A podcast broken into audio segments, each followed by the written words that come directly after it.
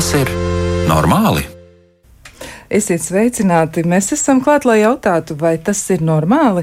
Studijā Kristiāna Lapiņa pie skaņu pults Rita Karnača un atgādina, ka šis ir raidījums par psihisko veselību, par dzīves kvalitāti, un mēs uzdodam jautājumus, reizēm arī nērtus jautājumus, un aicinām jautājumu uzdošanā iesaistīties arī uz klausītājus. Sūtiet savas atziņas, pārdomas, idejas uz raidījumu elektronisko pasta adresi, vai tas ir normāli at Latvijas radio.lv. Un noteikti varat sūtīt ziņas arī Latvijas radio mājaslapā, atrodot raidījumu, vai tas ir normāli ziņojumu logu. Bet šodien, šodien mēs runāsim par to, kā integrēt cilvēkus, kuriem ir garīga rakstura vai arī funkcionāla traucējumi, un kas ir galvenie šķēršļi arī sabiedrības attieksmē, un kā tos pārvarēt. Un eh, tāpēc esmu aicinājusi arī divas viešņas. Pie mums ir Ilza Dreifelde, psiholoģis, sveicināt! Labvakar! Un vēl arī mēs esam pieslēgušies telefoniski, um, ja tā var teikt, arī otrai ekspertei, ja precīzāk mums ir iespēja būt kopā ar Ievu Leimani Veldmējeri, resursu centra cilvēkiem ar garīgiem traucējumiem traucējumiem Zelda vadītāja. Sveicināti! Labvakar! Nu, lūk, man pirmais jautājums būs jums, bet pirms es vēl e, sāku, es gribētu izmantot iespēju arī nu, atsaukties uz informāciju, kas ir e, organizācijas Zelda mājaslapā, un tur ir tādi pieredzes stāsti, kas ir visiem publiski pieejami, tos visi var izlasīt, un man liekas, ka tie ir ļoti, ļoti svarīgi stāsti. Un es gribētu e, nolasīt vienu, viņš ir ļoti, ļoti īss, bet tajā pašā laikā man liekas ļoti svarīgs stāsts. Esmu zinātnākāra, patstāvīga, kārtīga, par sevi pārliecināta. Man ir svarīga mana veselība, būt noderīgai dara mani laimīgu. Man ir zelta vecāki, lai viņi neupurētu savu dzīvi manas slimības dēļ. Kopš 27 gadiem esmu dzīvojis vairākos pansionātos. Man likās, ka man tur būs jādzīvo līdz mūža beigām, un no pansionāta es ārā netikšu. Šobrīd dzīvoju grupu dzīvoklī, grupu dzīvoklis un pansionāts ir kā diena pret nakti. Šeit ir klusums, miers un mazāk cilvēku ir atbalstošs personāls. Esmu novērojis, ka vide, kurā dzīvoju, maina mani un manu izturēšanos uz labo pusi. Mainās mans sajūts un pat izskats. Tas, ko esmu sapratusi, ir jāmāk parunāt ar otru, jāiemācās veltīt laiku otram cilvēkam. Ja cilvēks ir slims, tas nenozīmē, ka viņš ir agresīvs. Slimība nav raksturā, labāk desmit reizes padomājiet, pirms kaut ko sakāt. Nu, lūk, un ar šo te citātu no dzīves stāstiem, kurus jūs arī klausītāji varat atrast Zelda org.lv mājaslapā, e, tur jūs varat iepazīties vēl ar citiem stāstiem. Ar šo es arī gribētu sākt, un es gribu uzdot jautājumu. Ievai Lēmenai Veldmējerai tieši par to, kā tad sākās kampaņa, kā jūs nonācāt pie tā, ka tā ir nepieciešama, kā bija pašā pašā sākumā un kuro gadu jau tā notiek. Laikam tas jau ir trešais. Varbūt jūs varat par to pirmsākumu nedaudz izstāstīt.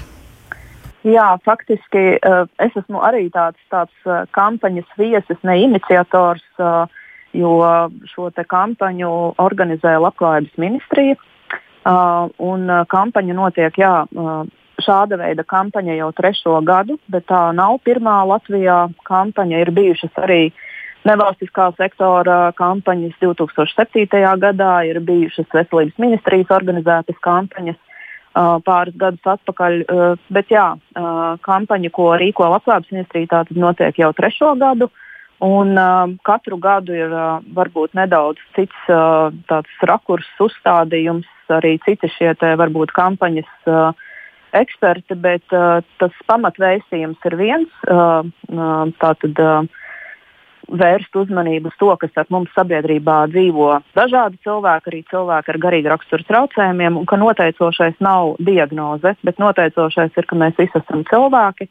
Un, uh, ka šiem cilvēkiem ir vietas starp mums. Viņiem nav jābūt izolētiem kaut kur uh, tālu institūcijās, uh, bet, um, ja mēs spējam radīt uh, pietiekoši labus atbalsta pakalpojumus, nodrošināt šo visu nepieciešamo atbalstu, tad šie cilvēki ļoti pilnvērtīgi spēj um, dzīvot sabiedrībā un arī dot savu ieguldījumu.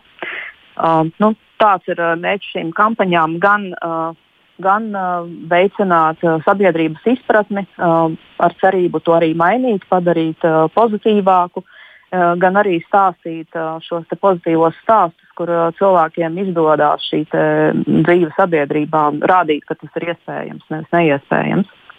Un vēl, protams, jāpiemina, ka ir svarīgi, ka šīs kampaņas tas nav kaut kāds uh, vienlaicīgs viena gada pasākums, ir svarīgi, ka viņas ir regulāras. Un, un kas mani pašu ļoti priecē, arī tās aktivitātes, ko paralēli ir darījusi veselības ministrija.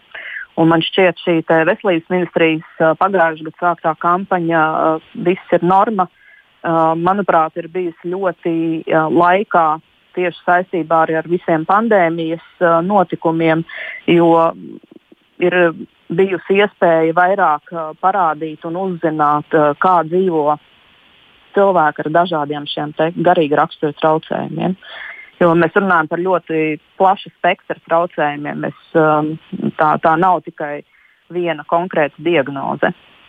Jā, varbūt jūs varat arī iezīmēt, nu, vismaz aprakstīt, lai vairāk klausītājiem ir skaidrs, par ko tad mēs runājam. Ja? Jo patiesi tās ir ļoti, ļoti dažādas situācijas un ļoti dažādi e, ir šie cilvēki, un e, arī ļoti dažādas ir tās viņu iespējas. Jā, vismaz pagaidām tas ir, ar, ar, man liekas, ir tāda arī. Nu, ļoti atšķirīga tā situācija varētu būt. Varbūt jūs varat iezīmēt arī, par ko tieši mēs runājam. Jūs teicāt, ka tas ir Jā, ļoti nu... plašs lokus, bet nu, būtu vērts varbūt sīkāk to paskaidrot. Jā, nu, ja mēs runājam par uh, terminu cilvēku ar garīgu raksturu traucējumiem, tad, tad viņā tiek ietverti gan cilvēki ar intelektuālās attīstības traucējumiem, gan cilvēki ar uh, uh, psihiskām saslimšanām, kuras ir uh, daudz un dažādas. Ir tādas nopietnas un smagas diagnozes, kā piemēram šizofrēnija, uh, bipolāra traucējumi vai depresija, tā, tādas zināmākās. Bet ir, uh, ir arī tādas kas uh, reizēm es, es to sauktu par tādu modes diagnozi, kā veģetatīvā distonija vai trauksme, vai um, dažādi, jā, dažādi citi, piemēram, autiskā spektra traucējumi. Tas, mēs runājam par ļoti plašu klāstu uh, zem šī viena termina.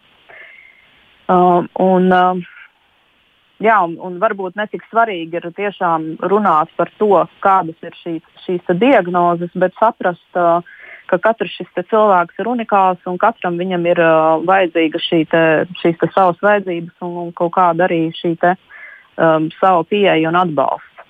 Tas tā, ir skaidrs. Jā, jā, jā patiesi. Un eh, šogad arī es mm, atradu, ka nu, ir tāds precīzs formulējums jā, attiecībā uz šī gada kampaņu. Ja tā tad saskata cilvēku nevis diagnozi. Tas ir diezgan, diezgan būtiski. Es eh, šajā brīdī gribētu pāradresēt arī nākamo jautājumu Ilzai Drefeldai un gribu jautāt, nu kā tad ir, kas ir tās eh, varbūt pamanītās būtiskākās problēmas, ar ko saskars cilvēki, kuriem ir diagnoze, bet šīs diagnozes ir cilvēks un cilvēks ar savu dzīvi, ar savu savām grūtībām, un kas ir tās biežākās grūtības, par ko viņi runā? Mm -hmm. Jā, nu paldies par jautājumu, un, protams, paldies arī par šo te, uh, kampaņu kā tādu, ka tā vispār tiek organizēta. Un, un jo biežāk, jo, jo vairāk mēs uzzinām par to, un vairāk mēs uzzinām vienkārši par cilvēku, par līdzcilvēku, ikdienas dzīvi, kādā viņi tepat savā paralēlajā realitātē dzīvo. Un jā, patiešām paralēlajā realitātē, jo, nu, lai apmēram varbūt drusku pietuvinātos kaut vai tam, kādā veidā, nu, kā, kur nonāk, piemēram, vecāki, tad, kad uh, doktori viņiem slimnīcā saka, nu, mēs izdarījām visu, mēs izrakstam šodien uz mājām. Bet izrakstā ar um, diagnozi pesima, izrakst, nu, nevis ar tā ir nevis diagnoze, bet prognoze. Uh, nu, ka tās ārstēšanās iespējas ir tādas, kāda, ka, ka viņas nevienu neapmierina, viņas nevienam nedara. Un, un principā tā ir prognozēta, ir prognozēti funkcionālie traucējumi, tā ir prognozēta invaliditāte. Un tad tajā jaunajā realitātē tam vecākam ir jāmēģina nu, sagrupēties un adaptēties. Un, un noteikti, mm, nu, kā lai saka, bieži vien tas mūsu arī fokus vairāk vēršas tieši pie tā cilvēka, kuram ir tie garīgi rakstura traucējumi vai tā psihiskā saslimšana. Bet es noteikti gribu uzsvērt, ka šajās nu, šo cilvēku stāsti lielā mērā ir, ir saistīti ar to cilvēku stāstiem, kur ir viņiem līdzās. Tās ir viņu ģimenes, tie ir viņu mammas, tēti, brāļi, māsas, vecās mammas un vecie tēvi kuri tajā brīdī, kad viņi saņem šo informāciju par, par to, ka bērnam ir kāda garīga rakstura traucējumi vai, vai funkcionālie traucējumi, nu, tas ir, ir nu, tāda kosmonautiska sajūta, ja varbūt es neprecīzi izteikšos, bet uh, to ļoti grūti uztvert, aptvert, uh, ko tas nozīmē, ar ko jāsaskarās, kāda būs tā nākotnes realitāte. Un, protams, ka tas. Um, Tas ir, ir ļoti dažādi, un mēs kā cilvēki arī cilvēciski reaģējam tajos brīžos. Mēs meklējam, mēs mēģinām noskaidrot, mēs vainojam, un, jā, protams, arī izolējamies. Savā ziņā nesen esošā pandēmijas pieredze, nu, izolēšanās pieredze. Nu, kaut drusku mums ļāva ieskatīties tajā realitātē, ar kuru šie cilvēki saskarās. Jo tiklīdz ir šī diagnoze, tā momentāli tam līdzi nāk arī šī izolācija, pašizolācija ļoti bieži. Un mēs ļoti labi redzējām, kādas problēmas, gan finansiālas, gan sociālas, gan galvenokārt emocionālas, izraisa šī pašizolācija. Jā, varbūt arī par tām ir vērts mazliet sīkāk parunāt, jo ir tā, ka cilvēks, kuram trūkst resursu, kuram trūkst spēju, kuram trūkst arī nu, tādas iespējas sev aizstāvēt, reizēm viņš nonāk ļoti, ļoti neaizsargātā situācijā. Un, savukārt, mm -hmm. ja kāds viņam blakus ir ļoti noguris, ilgi mm -hmm. rūpējoties par viņu, tam var būt ļoti, ļoti smagas sekas. Varbūt ir vērts iezīmēt to, kas tad bija tās arī nopietnākās problēmas. Jā, nu patiešām ir situācijas, kurās jāsaka liela, lielais paldies zinātnē un medicīnai, cik kurs ir doktoriem, kuri rehabilitācijas speciālistiem, nu, visam, kas ir tik tālu pietiekami tikuši, lai, lai šo palīdzību sniegtu, lai atbrīvotu cilvēku no sāpēm, lai atbrīvotu cilvēku no kaut kādiem kustību traucējumiem, lai uzlabotu to vai citu funkciju, jo tās iespējas patiešām ir un viņas ir ļoti daudzveidīgas. Uh, bet ne visur, nevienmēr. Un, un, un ir patiešām arī diagnozes un, un, un uh, slimības, kurās šīs, šie uzlabojumi nav un, un neprognozējās. Un tas ir visgrūtāk. Un jāsaka, ka ta, uh, nu, visu izšķir atbalsts. Šajās situācijās visu izšķir atbalsts, jo cilvēki, kuri ar to saskarās, ļoti bieži nu, kļūst, nu, varbūt ne visi. Ah, bet ļoti bieži viņiem tā funkcionēšanas spēja mazinās. Viņi nu, ir grūti adaptēties esošajā, ir vēl tā emocionālā bagāža, viss tas emocionālais pārdzīvojums, tā nesapratne. Un, uh, tas patiešām ir, ir, ir svarīgi ieraudzīt un piedāvāt, vismaz piedāvāt savu atbalstu. Jā, atbalsta trūkums tas noteikti varētu būt milzīga problēma. Sevišķi, ja, ja kāds nu, ģimenē saslimst uh -huh. vai mhm. notiek kāda, kāda nelaime, jo arī šie stāsti ir. Jā, ir jau arī tā, ka cilvēks kļūst par invalīdu pilnīgi negaidot. Un tas ļoti, ļoti ierobežo cilvēku tālāko dzīvi, un tad bez atbalsta neiztikt. Bet nu, te man nākamais jautājums būs e, e, Leimans e, Veldmejers kundzei. Man gribētos jautāt, kas ir tās nopietnākās lietas, ko jūs savukārt saskatāt nu, sabiedrības attieksmē varbūt? Kas ir tas, ko jūs teikt, kam noteikti būtu jāmainās, un kur Latvija vēl, vēl buksē, ja, kur ir tā, ka mēs īsti nu, tomēr neesam pietiekami atsaucīgi? Nu, jā, nu, jāsaka, ka uh, kopumā uh, pārskatot uh, dažādus šos pētījumus, jo regulāri tiek arī veikta sabiedriskās domas izpēte. Un dažādi šie pētījumi gan iedzīvotāju attieksmē pret dažādām personu ar invaliditāti grupām, gan pret arī pret uh, dažādām citām sabiedrības grupām, kas ir mazāk aizsargātas, tad ļoti vienmēr izkristalizējas, ka cilvēki ar uh, it īpaši arī pilngadīgi cilvēki ar garīgi rakstura traucējumiem ir viena no, no šīm grupām, pret kuru ir uh, visnegatīvākā attieksme. Un, um, diemžēl šie atkārtotie pētījumi, um, es varu minēt gan 16. gadā veiktos, gan 18. gadā, gan arī pagājušajā gadā, 20. gadā veiktos pētījumus, viņi konstanti uzrāda šo te, uh, sabiedrības negatīvu attieksmi. Um, sabiedrība nevēlas šos cilvēkus redzēt sev blakus, nevēlas redzēt kaimiņos, nevēlas uh, kopā strādāt. Um, Nu jā, un, un tieši tāpēc, protams, arī ir uh, vajadzīgas šīs kampaņas un šis regulārais darbs ar sabiedrības izglītošanu, bet um, man arī nav nekāda ilūzija, ka uh, ka, protams, viena kampaņa kaut ko mainīs. Un, un, protams, tas ir tāds ilglaicīgs darbs. Un, daļēji, protams, arī šo te, attieksmi veido gan tas, ka cilvēkiem nereti pašiem ir bijusi kaut kāda negatīva pieredze, gan arī tas, ka, ka liela daļa sabiedrības arī viņai nav bijusi saskarsme ar šādiem cilvēkiem. Tāpēc arī mēs veidojam kaut kādus um, stereotipus un aizspriedumus, uz kuriem mēs tālāk būvējam savu attieksmi. Um, nu tā.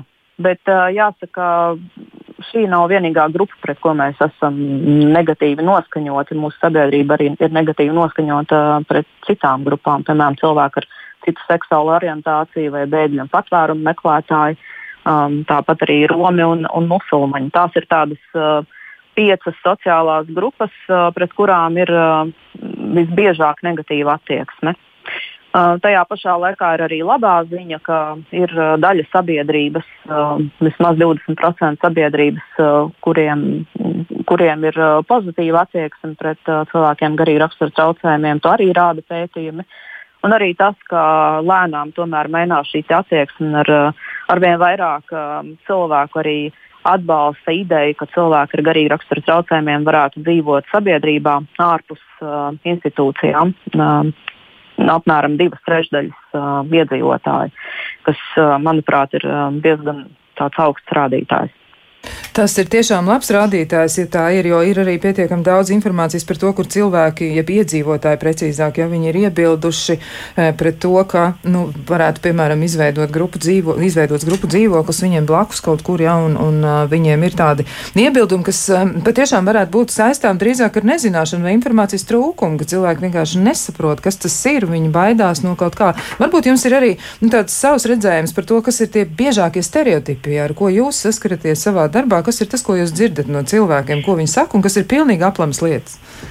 Es, jā, es par to pateikšu, bet es pirms gribēju reaģēt uz to, ko jūs teicāt par to iebilšanu. Un, uh, Uh, mums ir, protams, tie, tie daži skaļie stāsti gan, gan ar rādažiem, kur sabiedrība iebilda pret dienas centru, gan ar Daugopilu, kur iebilda pret grupu dzīvokli. Pēdējais uh, pats svaigākais šis ogres stāsts, kur iedzīvotāji iebilda pret uh, arī grupu dzīvokļu veidošanu. Uh, bet uh, svarīgi arī varbūt uh, um, atcerēties, ka katram šim stāstam ir arī kaut kāda sava pozitīvā puse. Tas, kas man ļoti uzrunāja ogrē, ir, bija, protams, pirms šī iedzīvotāja vēstule ar savāktiem parakstiem. Uh, Uh, bet pēc tam bija ļoti liela tāda sabiedrības aktivitāte, sabiedrības aktivitāte gan no ogres iedzīvotājiem, gan no, no, citām pilsētām. Un, un īstenībā tika savākts vēl vairāk, daudz, daudz vairāk parakstu, kas tieši atbalstīja šo te, um, cilvēku ar garīgu raksturu traucējumiem dzīvi sabiedrībā. Tā, man liekas, ir tāda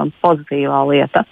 Bet um, runājot par, um, par šo jautājumu par tādiem klasiskākajiem stereotipiem. Nu, uh, Nu, viens ir, mēs jau aizskārām šo dzīvi institūcijās, ir, ir šis uzskats, ka, ka cilvēkiem ar garīgu raksturu traucējumiem ir vieta tikai specializētās iestādēs un ka viņiem nav vietas starp mums. Tas ir viens tāds, nu, tāds ļoti jā, um, diezgan uh, izplatīts uzskats. Uh, protams, arī uzskats, ka cilvēki ar garīgu raksturu traucējumiem ir, um, ir vardarbīgi, Tas tāds diezgan izplatīts mīts, vai ka cilvēki ar garīgu raksturu traucējumiem nespēja iekļauties sabiedrībā, viņi nevar strādāt.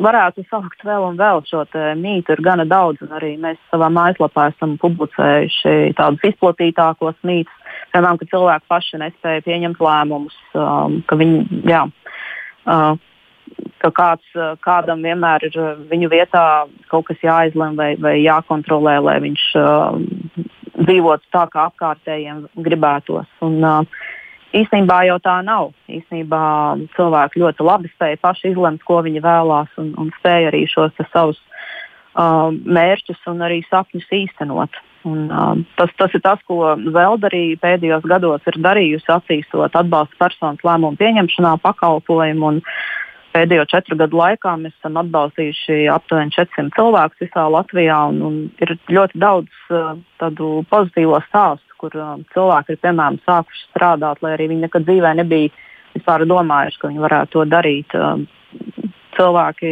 jā, ir realizējuši savus sapņus, uzrakstījuši un izdevuši grāmatas, piemēram, um, iekļaujušies saviem mākslas darbiem starptautiskā apritē. Un, jā, nu, vienkārši mēs, mēs esam devuši cilvēkiem šo iespēju sasniegt to, ko viņi vēlās. Un, un reti, kad viņiem pirms tam ir jautāts, tiešām, ko viņi vēlās, jo tiek pieņemts a priori, ka, ka viņam jau neko nevajag un viņš neko nevēlas. Jā, tā ir bēdīga lieta, jo mēs daudzas eh, lietas šobrīd zinām par, eh, par eh, arī, nu, piemēram, psihiskās veselības problēmām, ka ir ļoti, ļoti labas, labas novitācija, labi jaunumi. Šizofrēnija var lieliski vadīt, jā, ir, ir, ir ļoti, labas, ļoti labi medikamenti, ļoti laba terapija. Mm, tāpat arī, nu, dažos gadījumos, protams, būs problēmas, nav šaubu, bet kaut arī tas ir kas tāds, kas var sarežģīt dzīvi, tomēr ir ļoti daudz, ko iespējams darīt, un to jau teica Ilze, jā. Tāpat arī depresijas vai bipolāro traucējumu gadījumā noteikti ir kaut kas iesākams. Bet es gribētu Vilzē jautāt. Kā tas nāks, ka sabiedrība reizēm ir tik ļoti gatava pakļauties stereotipiskam priekšstatam? Varbūt tam ir arī kaut kāds tāds nu, psihoemocionāls skaidrojums, kāpēc tā notiek. Ja? Jo varbūt ir vieglāk pateikt kaut kam nē, nekā jā. Nu, kā tas būtu skaidrojums? Jā, nu, laikam uz šo jautājumu var atbildēt tā, ka mēs tomēr esam tādas nu, senas būtnes, kurām tās smadzenes jau ir diezgan senas, un tā emocionālā reaģēšana ir tāda sena sistēma, kur ir attīstījusies nu, tūkstošiem gadu laikā. Un, un, protams, ka mēs nevaram noreaģēt tā ļoti saprātīgi uz, uz ļoti daudzām tādām instinktīviem impulsiem. Ja? Un, un, un, un, protams, ka viens no šiem impulsiem mūs vienmēr nostrādās, ja mēs ieraudzīsim kaut ko atšķirīgu, kaut ko svešu. Un, un, un šis impulss momentāli mums signalizēs par apdraudējumu. Un, ja tas bērns ar funkcionāliem traucējumiem varbūt mazāk, bet tas pieaugušais, ja, pret kuru ir tas lielākais aizspriedums, viņš varbūt izskatās drusku savādāk, viņš izkustās drusku savādāk, un nu, viņš var patiešām radīt šādu primāru impulsu par to, ka, ka jā, kaut kāds apdraudējums tajā visā var būt. Un, un mēs noreaģējam, tas ir automātiski. Un, un jāsaka, godīgi, mēs jau tā arī turpmāk reaģēsim. Tā, tādu impulsu mēs piedzīvosim iekšēji. Tieši tāpatās kā iekšējais impulss ir slāpes vai, vai, vai izsalkums. Ja? Jautājums, kā mēs uz to reaģējam, ko mēs darām ar šo impulsu. Un, un kā tas izpaudīsies saskarsmē, vai mums gribēsies kaut ko pateikt, vai iejaukties, vai, vai gribēsies kaut ko uzreiz darīt, jo tas impulss rada tādu enerģiju, zināmu, emocionālu enerģiju. Un ar to gribas kaut kā, nu, vai, nu, skatoties, kādas ir tās emocijas, kuras es esmu piedzīvojis. Nu, un tad gribas vai nu no viņām atbrīvoties, vai tā rodas interese, ja, iesaistīties un tam līdzīgi. Ja. Bet, bet, protams, tās, tās dažādas emocijas var būt ļoti komplicētas, viņas var būt ļoti pretrunīgas un galvenais vienlaicīgas. Nav tā, ka mēs tā ļoti skaidri uzreiz piedzīvojam tādu skaidru, saprotamu emocionālu reakciju un spējam viņu atpazīt savā ķermenī, savā psihē, un, un, un, un tad pieņemt lēmumu, kā šī brīdī noreaģēt. Tas tā ļoti ideāli skan. Un, un līdz ar to. Nu, um, Bieži vien tās pretrunīgās emocijas mums rada trauksmi, rada arī šo trauksmi. No tās arī ir normāli pēc iespējas ātrāk atbrīvoties. Nu, tad bieži vien tajā saskarsmē mēs piedzīvojam ļoti daudzveidīgas izpausmes. Nu, arī, protams, gan tās pozitīvās, gan arī nu, noteikti ļoti daudz negatīvas. Un, ja tas kā, iet tālāk par tiem aizspriedumiem, protams, tā ir tā mūsu vēlme klasificēt visu, sadalīt, iedalīt kaut kādās grupās, jo tā mēs kārtojam to pasauli. tad, tad tā pasaule mums kļūst skaidrāka. Tātad šī grupa attiecās uz to, tas ir šitāds. Nu, kamēr es, kā, man ir skaidrība par to, kā tā pasaule funkcionē, nu, tā tad man ir izjūta, ka es vismaz kaut ko kontrolēju savā dzīvē. un viss ir paredzams un saprotams. Bet tiklīdz es saskaros ar pieredzi, kurā es nesaprotu, kura ir atšķirīga, kura ir pilnīgi tāda, kas nu, neatbilst tām vērtībām, kas ir tajā grupā, kādā, par kuru es tagad domāju, un, un kurai es varbūt pats piedaru. Un te tagad, eh, ja man blakus sāks dzīvot eh, cilvēki ar, ar, ar garīgu raksturu traucējumiem, Vai tik man arī nepieskaitīs tajā grupā? Ja? un, un šie aizspriedumi viņam ir ļoti, nu, ļoti emocionāli, bet tas ir tāds vispārināts uh, veids, kā mēs iedalām cilvēkus, cilvēku grupas, bet, nu, ja mēs runājam tieši par bērniem ar funkcionāliem traucējumiem, ar garīgi raksturu traucējumiem cilvēkiem, tad visbiežāk tā ir vispārināšana. Nu, kad mēs tādā, mē, tātad viss ir slikti, viņi visi ir slimi, visi ir tādi vai šitādi. Attiecīgi, protams, vēl viens ļoti raksturīgs stereo, nu, aizspriedums, nu, viņi ir norakstāmi. Respektīvi, mums piemīt tāda vēlme visu klasificēt arī pēc tāda liederīguma principa. Attiecībā par to, vai šie cilvēki ir liederīgi. Vai, no, nu, vai, piemēram, kaut vai sākot ar to, vai viņiem var iemācīt rakstīt. Priekš kam viņiem iemācīt rakstīt? Tas skan ļoti ciniski, ja godīgi. Jā. Bet, bet tas tajā pat laikā viņiem var būt pilnīgi citas funkcijas, pilnīgi cits pienesums, pilnīgi cits brīnišķīgs devums sabiedrībai.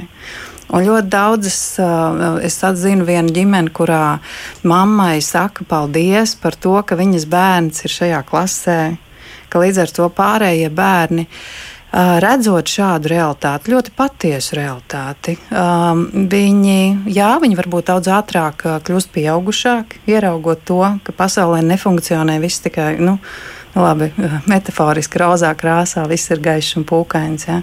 Bet tā realitāte ir ļoti daudzveidīga. Viņa ir arī ļoti skarba un, un grūti izturama. Un, um, Varbūt šie bērni daudz ātrāk iemācās to, pēc kā mēs visi par ko runājam, par empātiju. Ja? Un kas, kas ir daudz, varbūt pat svarīgi. Es pat negribu salīdzināt to svarīgumu kontekstā. Uh, nu, ja ieliekot svaru kausos, piemēram, ar vajadzību iemācīties rakstīt. Ja. Nu, lūk, un, un šī te, uh, norakstīšana ļoti bieži ar ko saskarās šie cilvēki. Katastrofizēšana, uh, viss ir slikti, ja, uh, un ne, noteikti nekas nebūs, un nebūs tā, un nebūs šitā. Nu, droši vien vēl daudz viņi ir. Jā, jā visas tādas, tā, tādas klasiskas domāšanas jā. kļūdas, ja, kas laikam jā. palīdz aizbēgt jā. no realitātes, un tas ir diezgan tipiski, bet nu, no, tomēr ar to ir kaut kas jādara. Jā, sarunā mums vēl būs daudzas lietas jāapspriež, bet to mēs darīsim pēc īsa brīža.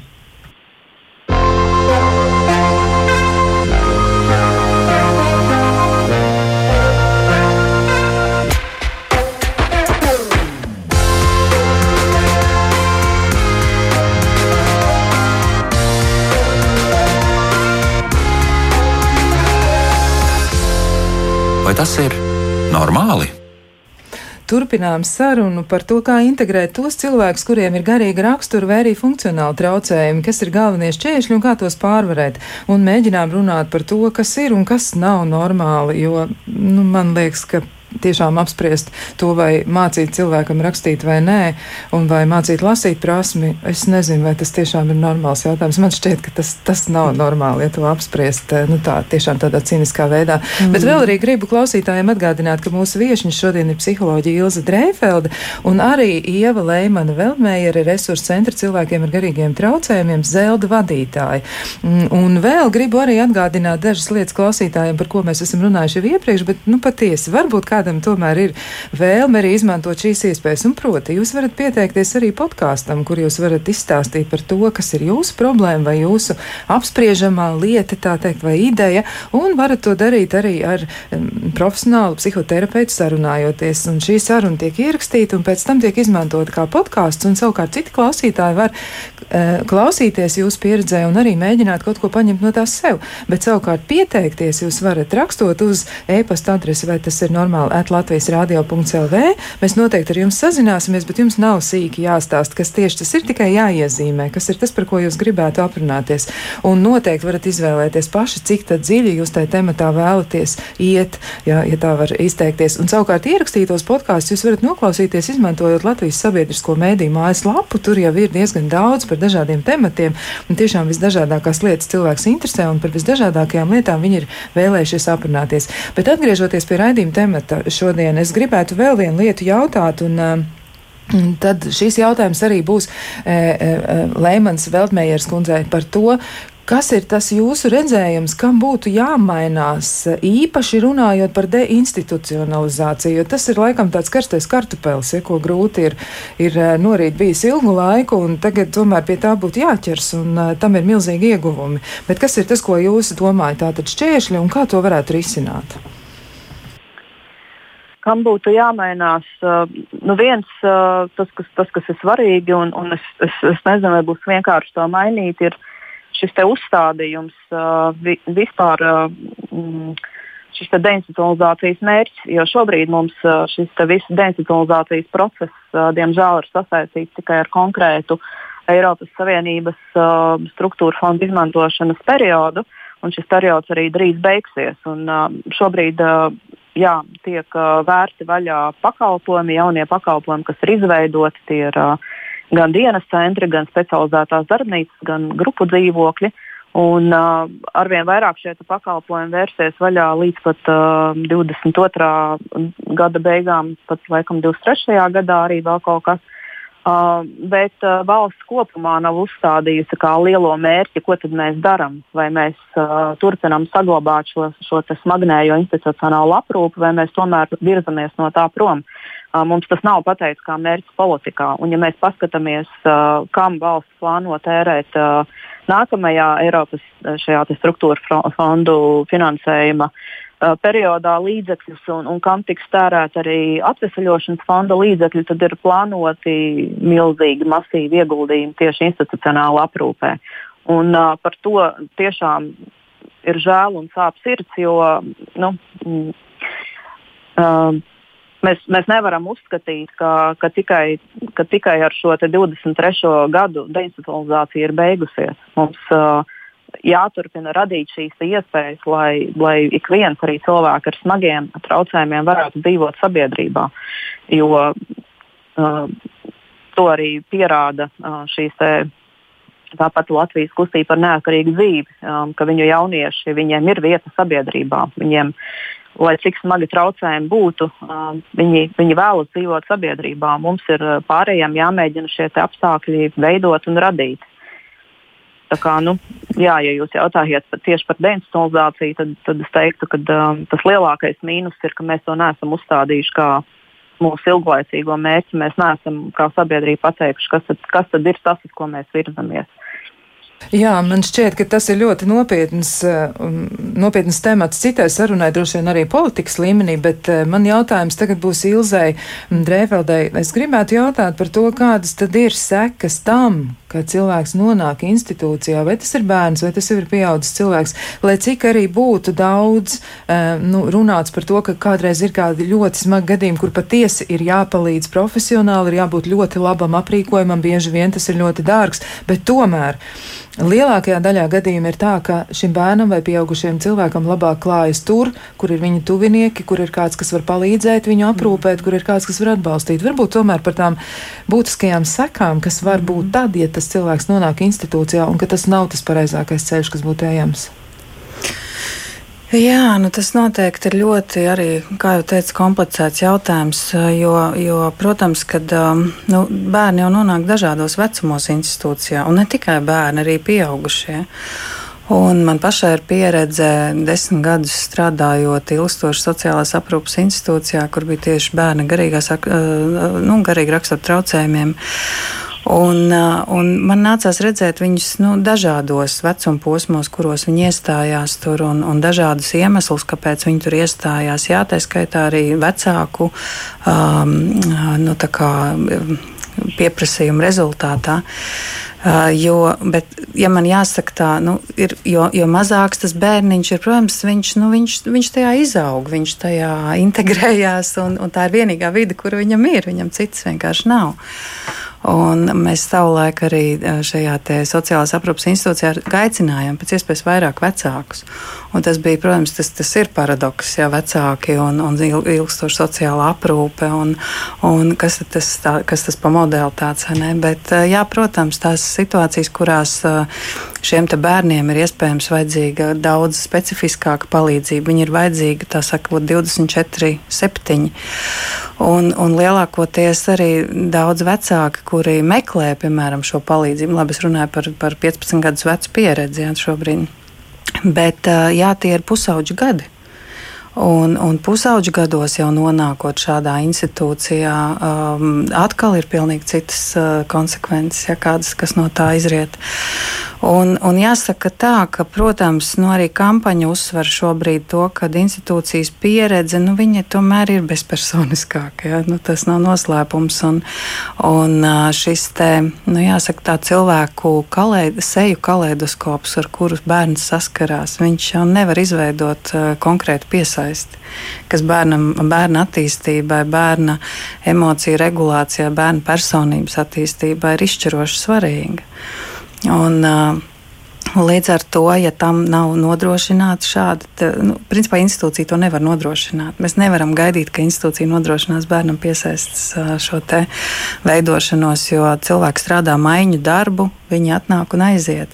Protams, tas neizslēdz uh, situāciju, ka, protams, es pat atceros, tās bija brīnišķīgas uh, dāmas, ka, nu, kundzes vienā vai otrā vecumā, kas tur strādāja. Viņas, protams, ar, ar sirdi un dvēseli uh, nu, rūpējās par šiem bērniem, ja, par savējiem. Uh, Bet jāsaka, protams, pieredzes ir dažādas, un, un, un protams, nu, ir gan pozitīvās, gan negatīvās. Nu, tādas ir tās realitātes. Ja, bet, bet uh, es ļoti, ļoti priecājos par to, ka šobrīd uh, ir šis deinstitucionalizācijas aspekts, kas vairāk mēģina aktualizēt to, cik bērnam piemērotāk būtu dzīvot. Gan vai tā ir auģu ģimene, vai tā ir. Um, aizbildniecību kaut vai, vai vienalga kas, ja, bet lai nebūtu šis seju kaleidoskops nemitīgi, kas nomainās un kā tas bērns pierod pie kāda, tā tas, piemēram, aiziet projām no darba. Ja?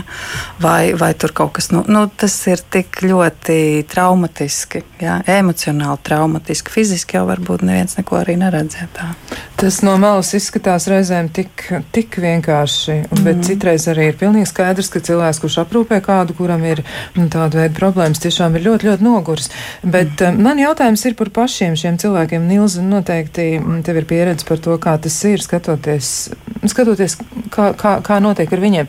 Jo gan trauksme, gan arī noraidītības izjūta noteikti skar arī visus šos cilvēkus. Un ļoti daudzos gadījumos viņi to ļoti personiski un sāpīgi uztver. Es ticu, ka tā varētu būt.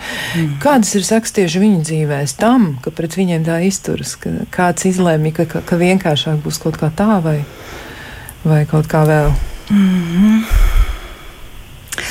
Es domāju, ka nu, tā mūsu kaut kāda vēlēšanās apzinātāk vai neapzinātāk kaut kādā mērā to savu dzīvi ir.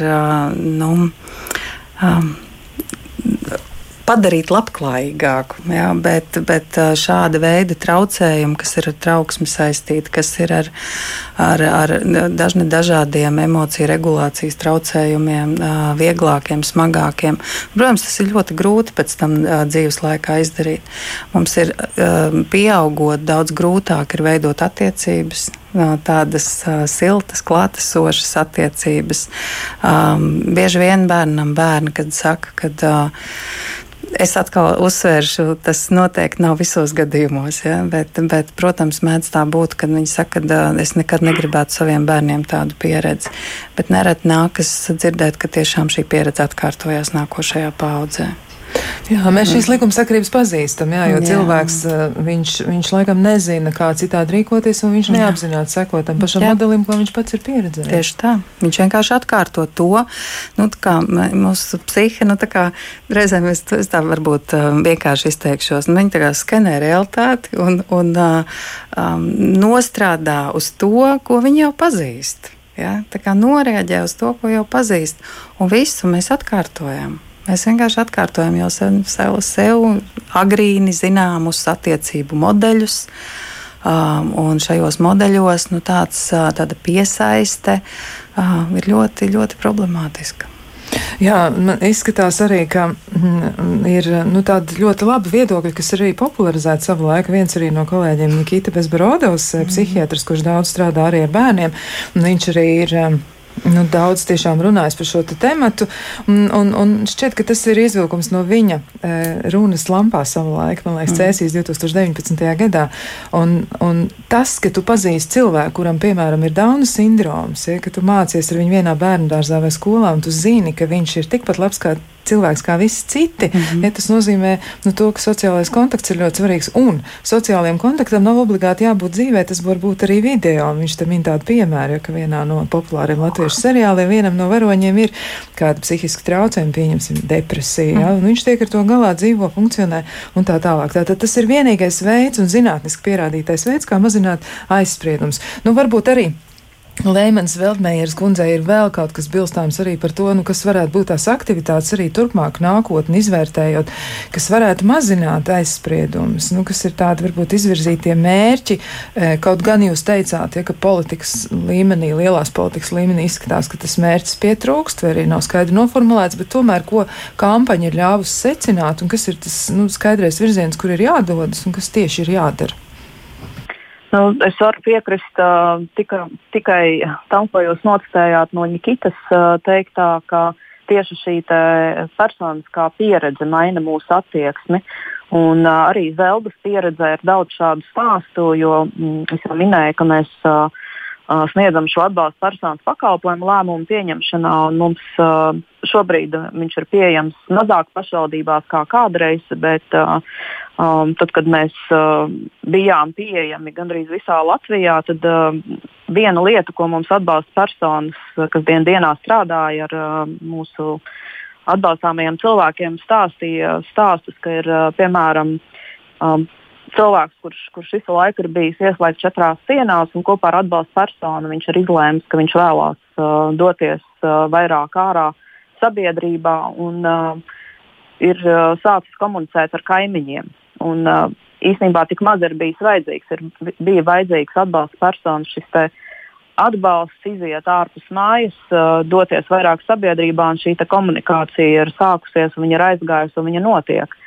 Un, uh, tā ir, jā, es, es pilnībā pievienojos Nikitam un, un pilnībā ticu tam, ka, ka jo vairāk būs šī pozitīvā saskarsme, jo vairāk šī pieredze uh, cilvēkiem iepazīstot um, cilvēkus ar garīgi rakstura traucējumiem, jo, jo vairāk tas šo attieksmi arī mainīs. Nav jau tādu nu, nav tādu kaut kādu recepšu, pēc kā mēs kaut ko varam uzlabot vai mainīt, bet um, šī, manuprāt, ir viena lieta, kas, kas ir pārbaudīta un pierādījusi, ka tas strādā. Tā tad noteikti jāstrādā pie tās integrācijas, nu, tā vai citādi, lai arī mēs cik ļoti tā vispārīgi sākotnēji nodēvējām to visu, mm. bet ļoti, ļoti konkrēti arī pie tā vajadzētu pieturēties. Bet vēl runājot arī par šo pašu integrācijas jautājumu arī par Ilzas iepriekš pieminēto empātiju un uh, to, ka ir tā tendence norobežot uh, šos cilvēkus bieži vien, un viņus tiešām mēs nemanām un neliekas, ka viņi ir tepat blakus, bet uh, es reizēm piedāvāju tādu analoģiju, iedomāties, ka mājas ir no stikla.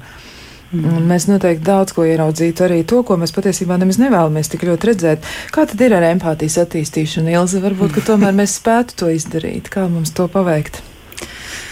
Nu, droši vien, ka spētu. Es jau esmu optimiste, un, un es domāju, ka tas, protams, ir ilglaicīgs jautājums, bet es noteikti domāju, ka tas ir iespējams. Un, Un tiešām šī personiskā pieredze ikdienā var būt tās, ja mēs piedzīvojam to, ka nu, šie cilvēki nu, nemaz jau neapdraud, ja tā tīri personiski viņi nevienu neapdraud.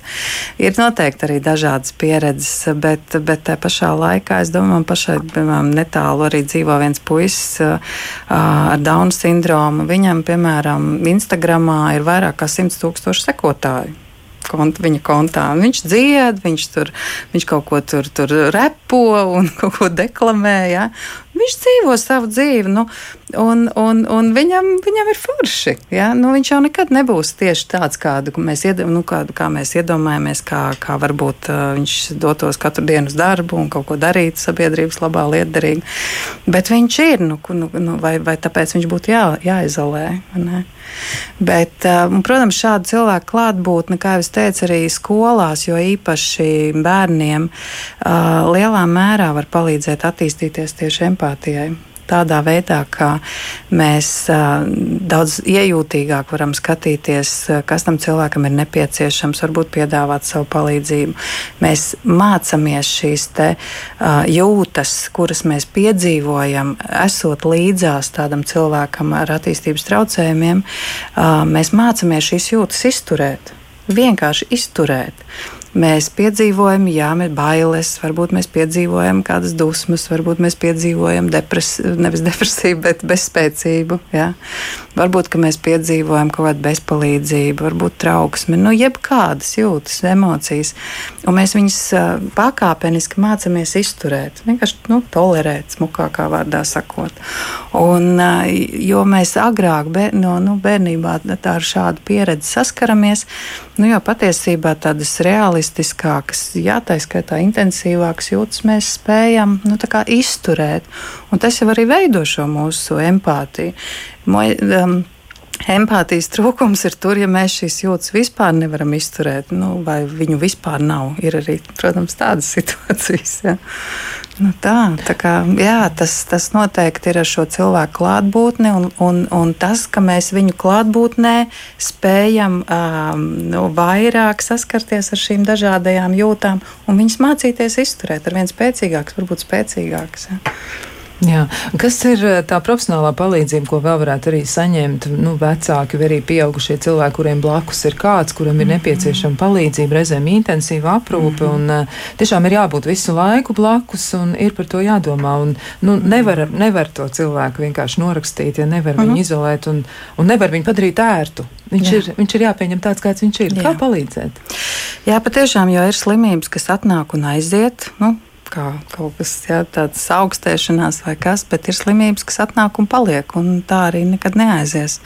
Un, protams, kad izšķirīgi ir šie, izšķirošs faktors ir šie cilvēki līdzās. Un visbiežāk tās ir mammas, visbiežāk tās ir vecmāmiņas, visbiežāk nu, arī tagad daudz vairāk es dzirdu par tētiem. Tā skaita, protams, māsas, brāļi un Un, un, un vecie tēvi, protams, arī vai citi radinieki. Un, uh, viennozīmīgi, nu, ja mēs nemitīgi esam tādā emocionālā intensitātē, no nu, agrāk vai vēlāk mēs saskaramies ar šo fenomenu, kuru šodien plaši pazīst un mēģina no viņa tikt vaļā, un tā ir izdegšana.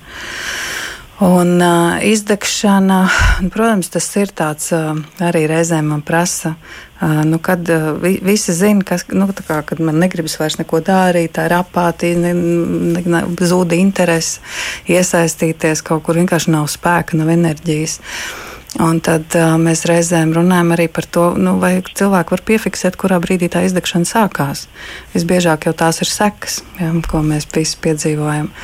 Bet izdegšana sākas tajā brīdī, kad mēs ar dubultu intensitāti esam spiesti, nu, vai pat trīskāršu intensitāti esam spiesti investēt sevi, savu enerģiju, savas domas, savas emocionālo enerģiju, spēku, uh, investēt kaut kādā, nu, notikumā, idejā, citā cilvēkā, protams, arī. Un, um, tas viennozīmīgi ir jautājums, kā es varu arī parūpēties pats par sevi, tas, kurš ir līdzās. Un, uh, tā bieži vien ir tēma, kas ir uh, tādā tabū kategorijā, kad uh, nu, nevienu jau neinteresē, nu, nu, kā, kā tad jūtās tas cilvēks, kurš ir līdzās. Mēs vairāk virzam savu palīdzību tam, kurš ir, um, nu, kurš ir cilvēks, kuram ir vajadzīga palīdzība. Bet brīnišķīgi, ja mēs spējam atbalstīt tos cilvēkus, kuri ir līdzās, tad jo vairāk viņš spēj atbalstīt to, kuram tā palīdzība ir vajadzīga, kurš pats saviem spēkiem galā netiek. Un, un tas ir, es varu teikt, ir noteikti ir ļoti daudz arī biedrības un, un, un dažne dažādi veidā semināri, vasaras nometnes un, un kursi, kas ir veltīti tieši bērnu ar funkcionāliem traucējumiem vecākiem parādās, nu jau parādās par brāļiem un māsām, dažni dažādi semināri, grupas un atbalsta grupas nu, visiem, jebkādam radiniekam. Ja. Un vajag tikai interesēties šie pasākumi. Viņi ir periodiski, viņi, viņos var piedalīties, nu, iesākt un, un turpināt. Un tā nav tā kā tas būtu tāds vienreizējs pasākums un, un viss. Ja, bet šis veids, svarīgākais, ka šie cilvēki, kas ir līdzās, viņi var parūpēties par savām vajadzībām, gan par fiziskajām, gan emocionālajām, arī sociālajām. Un tad viņš mierīgi var palīdzēt arī tam, kurš pats sev palīdzēt nevar. Jā, jāpārvar laikam arī tā nērtības un kauna izjūta, ja, jo jābūt ar spēkam pašam cilvēkam, kurš par kādu rūpēs. Nu jā, saruna tuvojas noslēgumam. Noteikti mēs pie šiem tematiem atgriezīsimies, mēģināsim vēl sīkāk izpētīt uh, to, kas ar, ar, ar integrācijas lietām ir saistīts, bet nu, pašā sarunas beigās noslēgumā man gribētos no Ilzas Dreifelds lūgt tādu novēlējumu iedrošinājumu tiem cilvēkiem, kuriem ir līdzās kāds, kuram ir jāpalīdz, un pēc tam es šo pašu lūgumu pāradresēšu arī vai Lēmenē Veldmeierē. Mm -hmm. Es domāju, ka tas novēlējums noteikti ir mm, tas, ka skatīties ne tikai tajā virzienā, kurā jums uh, ir kurā citu vajadzības, arī tā skaitā bērnu vajadzības, vistuvākā vajadzības ir primāras un um, mm,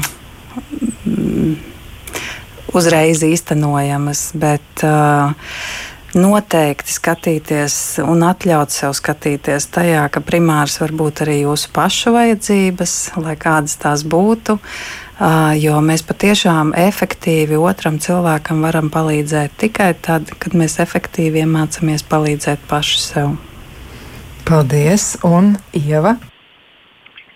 Jā, nu mans novēlējums būtu rast pietiekami daudz spēka un enerģijas, būt blakus uh, savam cilvēkam, kuru jūs dien dienā atbalstat, un, un arī ļaut uh, viņam reizēm dzīvot savu dzīvi, kā viņš vēlās. Jā, tādas ļoti, ļoti svarīgas lietas jūs pateicāt. Nu, ko es šajā brīdī teikšu paldies psiholoģijai Ilzai Dreifeldei un arī Ievai Lēmanai Veldmejerai, kura ir resursu centra cilvēkiem ar garīgiem traucējumiem Zelda vadītājs. Tur citu šodien Zeldām ir vārda diena, man liekas. Tā mm. varētu būt kalendārā tā rakstīts. Bet eh, Zeldas nosaukums nav tāpat vien. Ja jums, tas, eh, ja jums vairāk gribas par to zināt, gan jau, ka ir vērts arī atrast mājaslapu un izpētīt, un tam, man liekas, ir arī saikne ar, ar pasaules literatūras. Nekļūdos? Gados. Tā ir. Tā ir. Tā ir. Jā. nu tad eh, šī intriga, lai paliek klausītājiem, bet eh, visiem tiem, kuriem tā ir dzīves daļa, mēs novēlam spēku, izturību un eh, tiešām meklējiet atbalstu un ar visiem tiem cilvēkiem, kuri profesionāli pārstāv šo te mm, atbalstu sistēmu, es noteikti domāju, ka mēs varam būt vienoti un viņi visi kā viens teiks, ka viņi ir gatavi tajā iesaistīties. Paldies kampaņas virzītājiem, paldies tam, ka kampaņa ir, paldies cilvēkiem, kas tajā ir iesaistījušies. Nu ko, studijā biju es, Kristiāna Lapiņa, par skaņu rūpējās Rīta Karnača, bet mēs tiksimies pēc nedēļas un tad mēģināsim izspriest, kāda tad ir attieksme pret vecumu un kāpēc tas joprojām tiek uztverts tik stereotipiski, aktivizējot jaunības kultu. Lai jums jauks vakars un arī skaista nākamā nedēļa!